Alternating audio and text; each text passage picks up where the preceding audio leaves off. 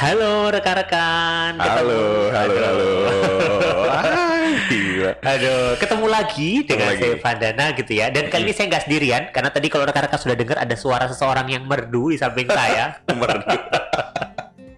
Ini Iya. editan suaranya teman-teman. Oh iya, itu ada filternya sudah ada Oh, filternya. filternya ya. Iya, benar benar. Auto tune. Oke, Oke. rekan-rekan, pada kesempatan kali ini kita akan kembali ngobrolin buku. Gitu. Kalau misalkan berdua kan udah jelas biasanya saya nggak mungkin review buku Yap. karena pasti ngobrolin buku. Dan kali ini saya bersama dengan sahabat saya yang uh, sudah malang melintang di dunia pengembangan diri. Oke. Ini kalau ngobrol sama Mas Ivan suka deg-degan sebenarnya. Waduh, Karena yang dibahas tuh buku gitu. Kelihatan ya mana yang suka baca buku, mana yang suka yang jarang baca buku tuh. Iya, iya. kita kalau nggak salah terakhir ngobrol bareng itu Hmm. pakai Zoom ya? Iya nggak sih? Pakai Zoom, oh, benar. benar. pakai Zoom. Setelah itu telepon sempat juga. Masih Ya, di konten benar, kan? benar, Oke. benar. Jadi Iya, iya, iya. Oke, rekan-rekan kali Oke. ini kita mau ngobrolin apa enaknya Mas Rizky ya? Karena ini Hmm. kan ngobrolin buku nih. Yap. Berarti kita akan ngobrolin satu buku. Boleh nggak di-share kira-kira buku apa yang lagi dibaca mungkin saat ini yang kayaknya eh, Mas Rizky tertarik banget dan juga antusias ketika bacanya nih? Ya, kalau ngomongin buku paling antusias yang pertama paling nggak jauh-jauh buku tabungan ya mas. Oh. Iya, iya. karena ngecek saldo. Ngecek saldo. tapi suka deg-degan juga akhirnya gitu ya karena saldonya nggak ada. tapi tapi kalau misalkan ngomongin soal buku yang belakangan ini lagi saya eh, baca Hmm. itu itu kebetulan bukunya Kang Surya Kresnanda. Ah, guru kita ya juga guru ya. kita, guru kita Kang Surya Kresnanda, dia beliau buat buku itu namanya Understanding Human Learning, Hmm. Ivan, gitu. Nah, memang sebenarnya udah dari dulu tertarik sama bukunya beliau eh, waktu awal-awal keluar tuh ya, Hmm. tertarik sama saya senang banget ketika memahami tentang hal-hal yang berkaitan dengan learning dan human sebenarnya gitu. Nah, akhirnya coba ah eh, mumpung sekarang kayaknya lagi waktunya juga lagi banyak banget Hmm, gitu ya, hmm, kosong hmm, gitu. hmm. coba deh pesan langsung sama beliau minta tanda tangannya. Ada pesan-pesan khusus kali ya? ada pesan-pesan khusus pasti gitu Eh, minta beliau mas mau pesen dong bukunya. Alhamdulillah masih ada. Terus Hmm. kemarin pas belum lama ini mungkin semingguan kali ya baru nyampe langsung saya baca. Belum sampai semuanya selesai sih cuman memang dari awal sampai akhir itu udah bener-bener wah nikmatin banget pertama kalau di review dari buku secara keseluruhan Hmm. yang paling saya ini buku nggak tahu ya kayak Hah? menjawab painnya saya ketika baca buku mas Oh, bentar, Gini. sebentar, sebentar. Ini buku menjawab pain saya ketika baca buku. Ketika baca Ini buku. buku dalam buku nih, gimana nih? jadi gini eh painnya bukan di sisi kontennya ya Eh, Ah. jadi gini kalau biasanya kan saya kalau lihat baca buku kalau baca buku itu sering kali memang eh, banyak faktor pertama, pertama Ah. dari kontennya Ah, kedua mungkin dari eh, penampakan bukunya Oke. tiga dari gaya bahasanya gitu ya, Hmm, yang hmm, saya hmm, coba hmm, untuk hmm. nilai ini bukunya nyaman gak ya gue baca gitu. Nah di bukunya Mas Surya Kresnani ini surprisingly itu Ah, gak cuman dari bahasanya doang yang nyaman untuk dibaca, tapi Ah. dari penampakan bukunya.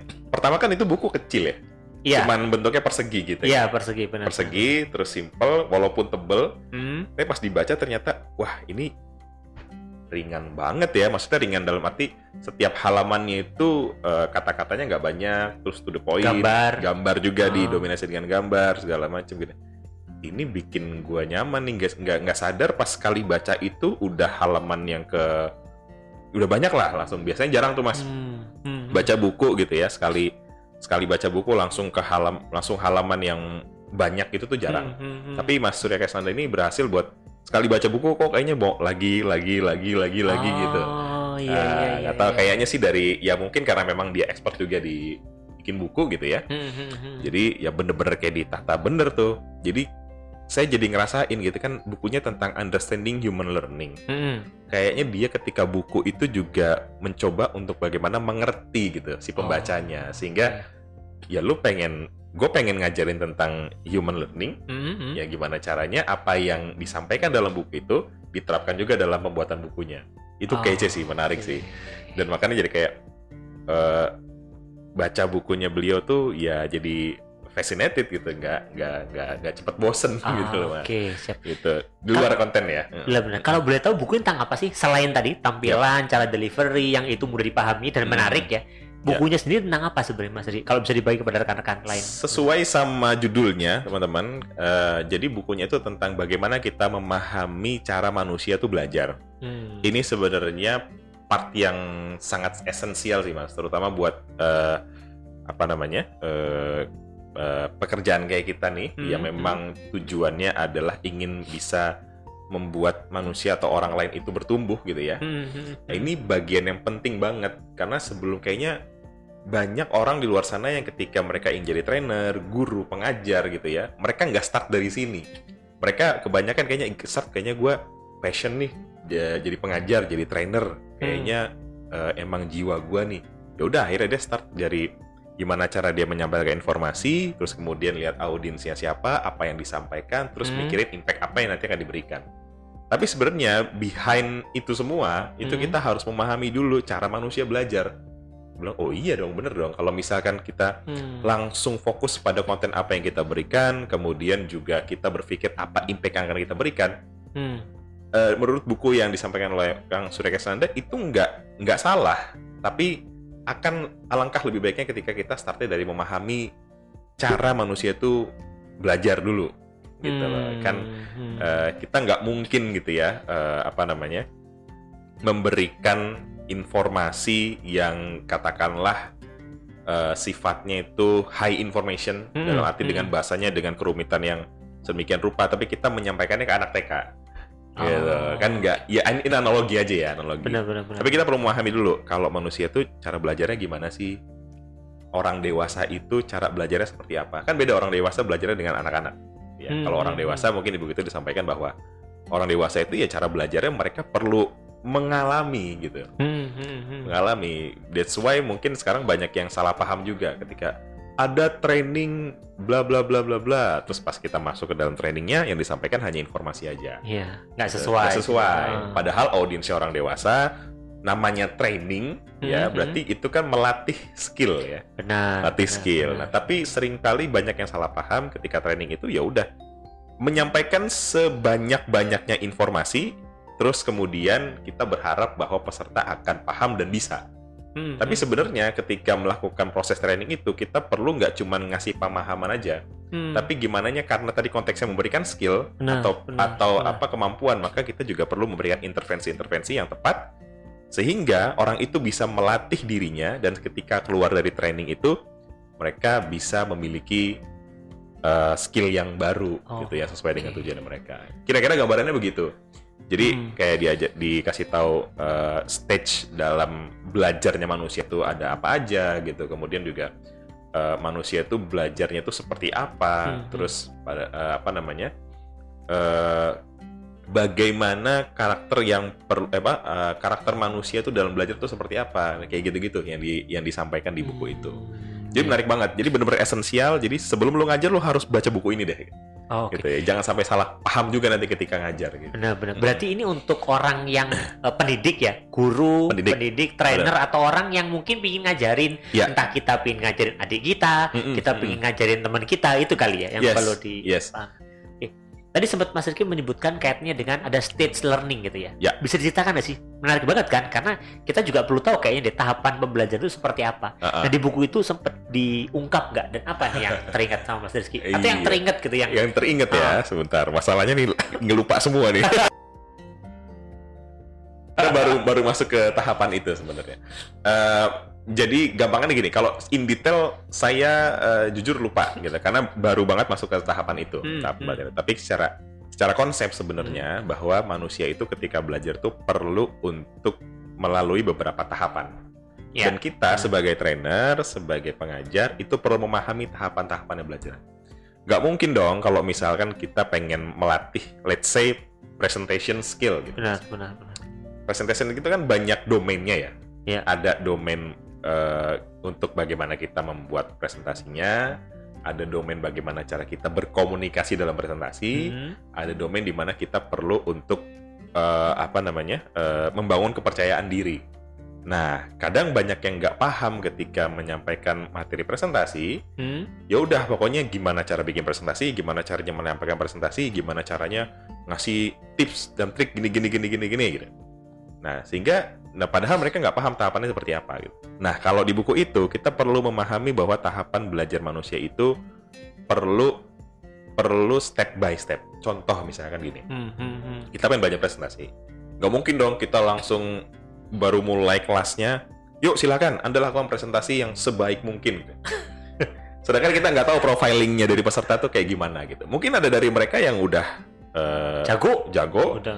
ada juga yang baru banget gitu Hmm. belum pernah presentasi sama sekali loh ya aneh kan kalau misalkan kita langsung yang belum pernah sama sekali langsung kita ajarkan mereka untuk lakuin pokoknya sebagus mungkin gitu Hmm. tapi kita perlu awal-awal oke kita dari mana nih Eh, dari sisi kepercayaan dirinya sudah terbangun belum Hmm, Gitu ya. hmm, jangan-jangan kalau kita belum bangun kepercayaan dirinya mereka belum berani untuk berkomunikasi wah itu jadi masalah gitu ya. Jadi Hmm, yang kita hmm. coba oke kita latih dulu mereka untuk membangun kepercayaan dirinya untuk ber, ber- apa menyampaikan informasi di depan orang banyak. Percaya dirinya sudah selesai Hmm. baru ajarkan oke begini loh teknik presentasi Deh, Oh, satu persatu yang paling mudah dulu kemudian naik eh, eh, ke yang lebih eh, menantang gitu ya sampai dengan nanti mungkin bikin presentasinya sampai mereka benar-benar melakukannya di depan orang real Hmm. jadi step by step. Jadi ada satu rumus yang disampaikan di buku itu. eh itu rumusnya kalau nggak salah namanya n plus 1. Hmm. Tapi ini sebenarnya eh, kalau di track back ke belakang tuh sebenarnya penjelasannya agak panjang mas ya. Jadi Iya, ada benar. dijelasin tentang learning zone. Ada drone zone, ada learning zone, terus ada eh, satu lagi apa ya? eh apa gitu deh sih lupa dia. ya makanya ada Ah. tahapan itulah. Jadi bahwa manusia itu ketika mereka ingin belajar sesuatu itu perlu untuk eh, apa namanya diberikan challenge Oh. tapi challenge yang memang masih eh, rasional. Rasional itu dalam arti gini. Oh, sesuai dengan sesuai situasi dengan dan situasinya. porsinya ya. Iya, Oh, oke. jangan kita kasih challenge misalkan anak ini baru bisa eh, baru percaya diri nih dalam presentasi, tapi kita udah ngasih setelah ini level yang gapnya jauh banget dari yang mereka butuhkan. Hmm, hmm, Jangan hmm. seperti itu. Nanti mereka malah stresnya itu stres yang nggak bagus gitu kalau di buku itu stres yang yang justru malah bikin mereka jadi nggak semangat belajar. Nah, Tapi kita kasih tantangan yang itu satu tingkat lebih sulit dari kondisi dia saat ini. hmm. Sehingga mereka masih bisa, oh gue masih bisa. Ini ini menantang sih, tapi secara apa? Secara secara secara apa gambaran gitu ya, Hmm. gue masih bisa nih dapetin dap, apa mencapai itu gitu. Masih Hmm. terbayang oleh dia dia bisa nyampe itu. Nah itu yang yang paling bagus kayak gitu. Jangan sampai susah-susah banget, terus jangan juga gampangnya gampang banget. Kalau gampang banget ini justru malah iya. mereka nggak punya motivasi lagi nih buat buat buat mencapai yang setelah karena remeh ya. remeh ah, udah gitu Oh, lah ini mah udah gampang buat saya Mm-mm, gitu kan. Akhirnya nggak tergerak buat belajar lagi. yes betul Oke. itu n plus satu kalau nggak salah rumusnya tuh jadi n itu kondisi saat ini Hmm. ditambahkan dengan plus satu itu adalah eh, apa apa eh, satu tingkatan yang lebih tinggi dari yang saat ini Hmm. gimana cara dia mencapainya itu kira-kira gitu sih Oke, siap-siap. Jadi kalau saya coba rangkum nih, buku Iya. ini sebenarnya ngajak kita untuk refleksi gak sih, Mas? refleksi Karena selama ini terutama kalau kita ngajarin orang kan kita fokusnya gimana caranya ngomongnya keren. yes Gimana caranya dia. kita bikin materi yang Benar, keren. benar benar Tapi benar kadang kita nggak tahu sebenarnya cara belajar yang pas buat audiens kita itu seperti apa gitu. ya Akhirnya ketika kita mendeliver, menurut kita keren, Mm-mm. tapi audiensnya kayak ini apa sih sebenarnya sih? Nggak pas gitu. Yes. Karena kita nggak memahami ya. Kebanyakan dari kita ketika mungkin baru memulai jadi trainer atau jadi pengajar gitu ya mas ya, selalu centralize-nya tuh ke diri sendiri. Gitu ya. Euforia benar ya. Wah, Ya, keren dilihat.